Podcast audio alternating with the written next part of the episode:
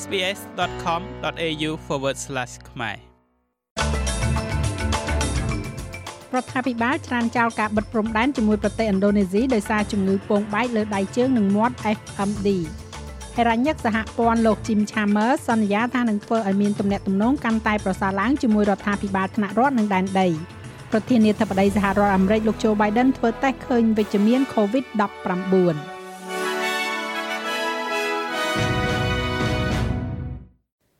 រដ្ឋមន្ត្រីក្រសួងកសិកម្មសហព័ន្ធនិយាយថាគណៈបកប្រឆាំងកំពុងតែបំប៉ោងការភ័យខ្លាចអំពីហានិភ័យនៃជំងឺពងបែកនៅលើដៃជើងនិងមាត់ចូលមកក្នុងប្រទេសអូស្ត្រាលី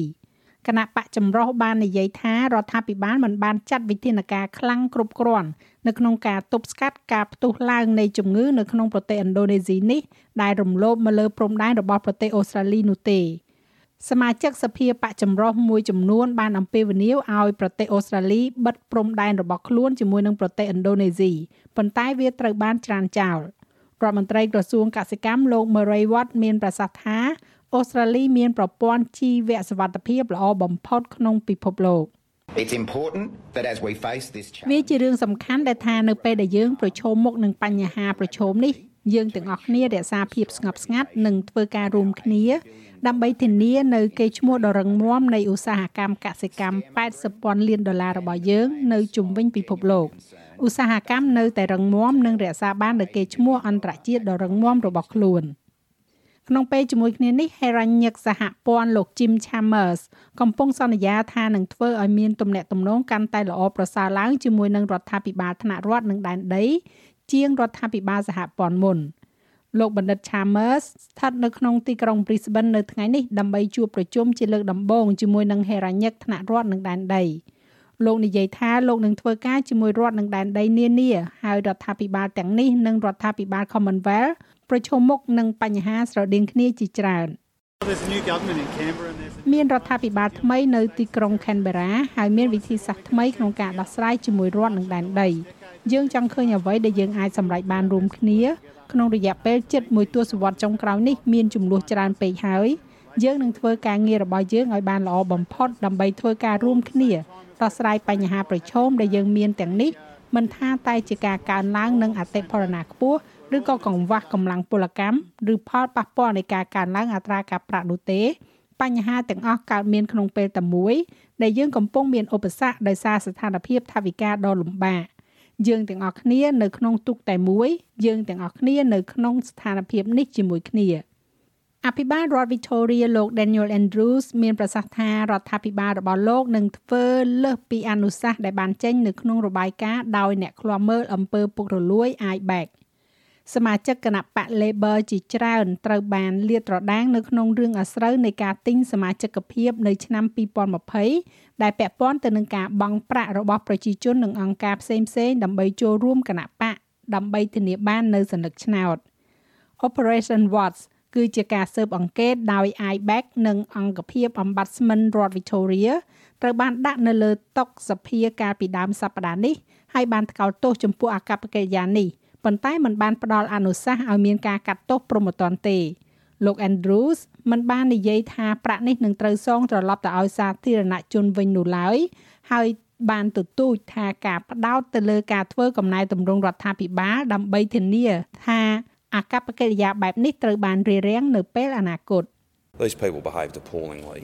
They weren't working for អ្នកទាំងនេះមានអកប្បកិរិយាគួរឲ្យភ័យខ្លាចពួកគេមិនធ្វើការឲ្យគណៈបក Labor ដែលពួកគេកំពុងធ្វើការសម្រាប់ខ្លួនគេនោះទេលើសពីនេះអ្វីដែលសំខាន់បំផុតតាមទស្សនៈរបស់ខ្ញុំហើយខ្ញុំគិតថាតាមទស្សនៈរបស់ប្រជាជនរដ្ឋ Victoria ទាំងអស់ គឺត្រូវបន្តនិងផ្លាស់ប្ដូរប្រព័ន្ធនិងដំណើរការទាំងនេះផ្លាស់ប្ដូរវប្បធម៌កសាងលើការងារដែលយើងបានធ្វើរួចហើយនេះហើយត្រូវប្រកាសថាវាអនុវត្តមិនត្រឹមតែចំពោះគណៈបកមួយឬក៏ច្បាប់របស់គណៈបកមួយប៉ុណ្ណោះនោះទេប៉ុន្តែវាជាច្បាប់របស់រដ្ឋហើយត្រូវបានអនុវត្តចំពោះអ្នករាល់គ្នាប្រធានាធិបតីសហរដ្ឋអាមេរិកលោក Joe Biden និយាយថាលោកមិនអីនោះទេបើទោះបីជាលោកបានធ្វើតេស្តឃើញវិជ្ជមាន COVID-19 ក៏ដោយ លោក Biden ក្នុងអាយុ79ឆ្នាំគឺជាមនុស្សដែលមានវ័យចំណាស់បំផុតដែលកាន់តំណែងជាប្រធានាធិបតីសហរដ្ឋអាមេរិកសេតវិមានបាននិយាយថាលោក Biden បានចាក់វ៉ាក់សាំងពេញលេញរួចហើយហើយក៏បានចាក់ដូសជំរុញ2ដងផងដែរ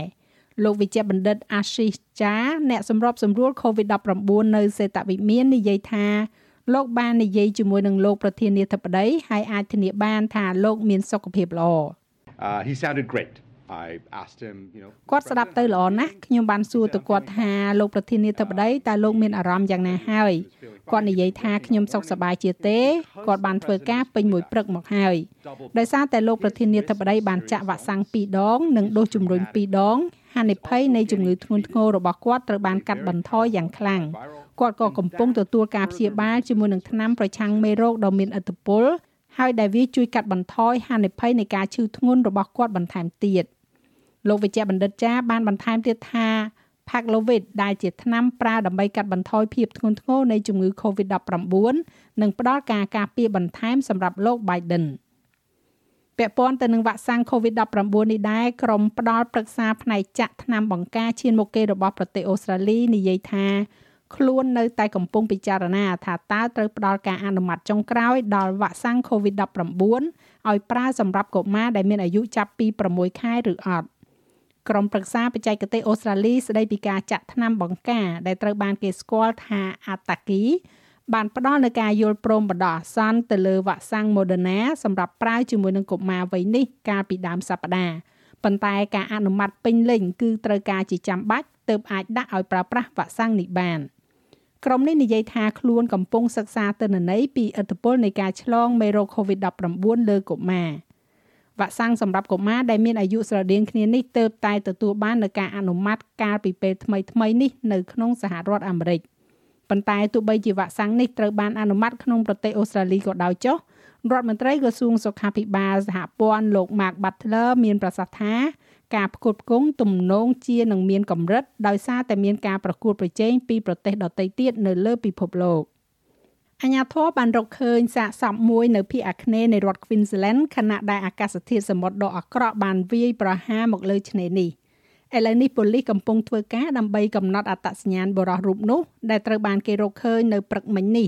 នៅជិត Sandy Creek ក្នុង Nanango ចម្ងាយប្រមាណជា2ម៉ោងកន្លះនៅភាគពាយ័ព្យនៃទីក្រុង Brisbane លោកអធិការ Scott Starhut និយាយថាការស្លាប់របស់បរិសនេះកើតឡើងបន្ទាប់ពីការជួយសង្គ្រោះមនុស្សមួយចំនួន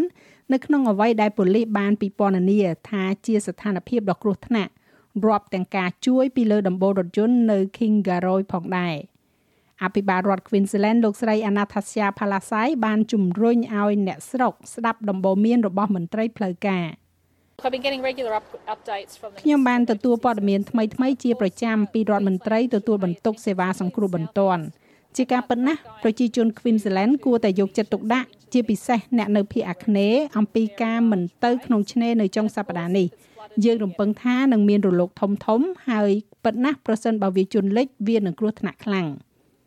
មានសេចក្តីរាយការណ៍អំពីបរិមាណទឹកភ្លៀងសរុបលើសពី100មីលីម៉ែត្រនៅតំបន់ឆ្នេរ Sunshine ជាប់នឹងទីក្រុង Malini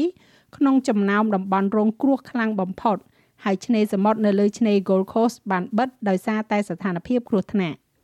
អញ្ញាធរកំពុងតែប្រមានប្រជាជនកុំឲ្យយកម៉ាស៊ីនកម្ដៅដែលគេប្រើនៅខាងក្រៅផ្ទះនិងចង្ក្រានអាំងសាច់ barbecue ចូលមកខាងក្នុងផ្ទះដើម្បីព្យាយាមធ្វើឲ្យកក់ក្ដៅនៅក្នុងរដូវរងានេះ។ មនុស្ស6នាក់ត្រូវបានបញ្ជូនទៅមន្ទីរពេទ្យនៅរដ្ឋ New South Wales ក្នុងសប្តាហ៍នេះដោយគេសង្ស័យថាកើតឡើងដោយសារការពុលកាបូនម៉ូណូអុកស៊ីតបរិមាណនៃជាតិពុលបែបនេះកើតឡើងនៅពេលដែលឧបករណ៍ដុតបញ្ឆេះដូចជាចង្ក្រានអាំងសាច់ barbecue ដុំធ្យូងនិងឧបករណ៍ដុតធ្យូងត្រូវបានគេប្រើនៅខាងក្នុងផ្ទះនៅពេលយប់ធ្វើជាឧបករណ៍កម្ដៅ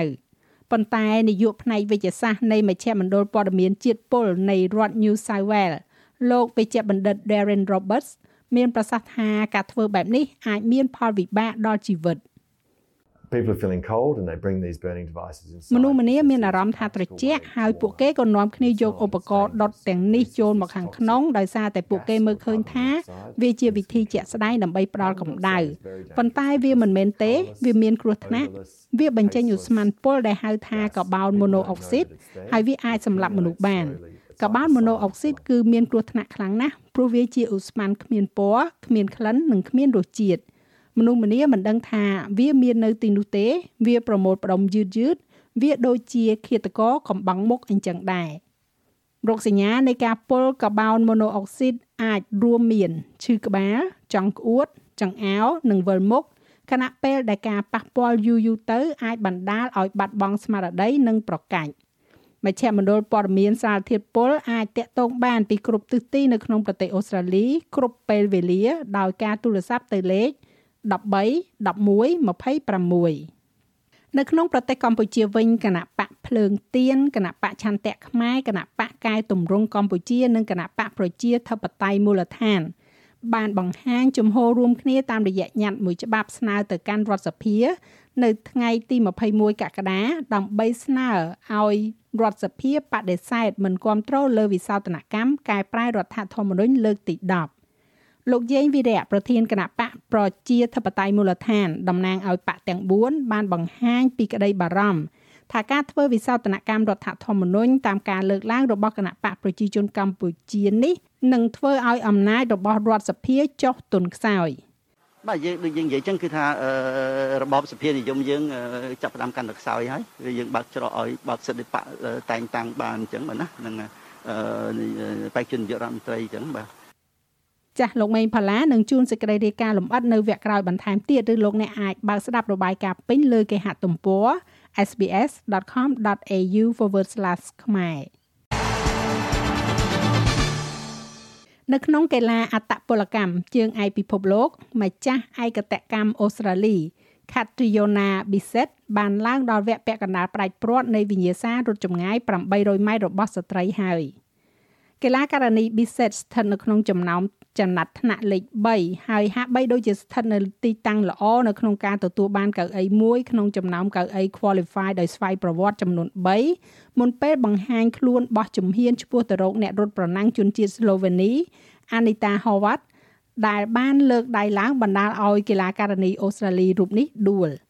ទីបំផុតកីឡាករនីរត់ប្រណាំងអាយុ30ឆ្នាំរូបនេះបានងើបឡើងវិញដោយខ្លួនឯងហើយឆ្លងកាត់ខ្សែប្រកួតនៅលំដាប់ចុងក្រោយគេមុនពេលចាក់ចេញពីសៃវៀនទាំងទឹកភ្នែកនាងក៏ត្រូវបានគេដាក់បន្ថែមនៅក្នុងបញ្ជីពាក់កណ្ដាលផ្ដាច់ព្រាត់បន្ទាប់ពីគណៈវិនិច្ឆ័យកីឡារត់ប្រណាំងបានធ្វើការពិចារណារួច។ កីឡាករនីជនជាតិអ៊ីតាលីអ៊ីលេណាបេឡូក៏ត្រូវបានបញ្ចូលទៅក្នុងបញ្ជីពាក់កណ្ដាលផ្ដាច់ព្រាត់ថ្ងៃនេះផងដែរបន្ទាប់ពីគណៈវិនិច្ឆ័យបានកំណត់ថានាងគឺជាអ្នករត់ប្រណាំងដែលរងផលប៉ះពាល់យ៉ាងធ្ងន់ធ្ងរបំផុតដោយសារកំហុសរបស់ Bisset យើងក៏លេខមើលអត្រាប្តូរប្រាក់វិញ1ដុល្លារអូស្ត្រាលីមានតម្លៃប្រមាណជា69សេនដុល្លារអាមេរិកត្រូវនឹង2820រៀលប្រាក់រៀលខ្មែរ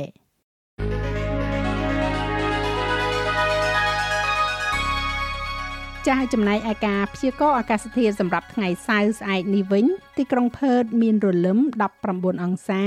អាដាលេដមានពពកដោយពេល17អង្សាមែលប៊នរលឹមបន្តិចបន្តួច តែខ្លាំងឡើងខ្លាំងឡើង16អង្សាហូបាតមានពពកដោយពេល15អង្សា មានពពកនៅខេនបេរ៉ា15អង្សាស៊ីដនីរលឹមតិចទៅតិចទៅ18អង្សា Brisbane មានពពកដោយពេល21អង្សា Cairn ភាគច្រើនបើកថ្ងៃ26អង្សា Darwin បើកថ្ងៃល្អ29អង្សា និងទីក្រុងភ្នំពេញមានភ្លៀងផ្គររន្ទះរាយប៉ាយ34អង្សា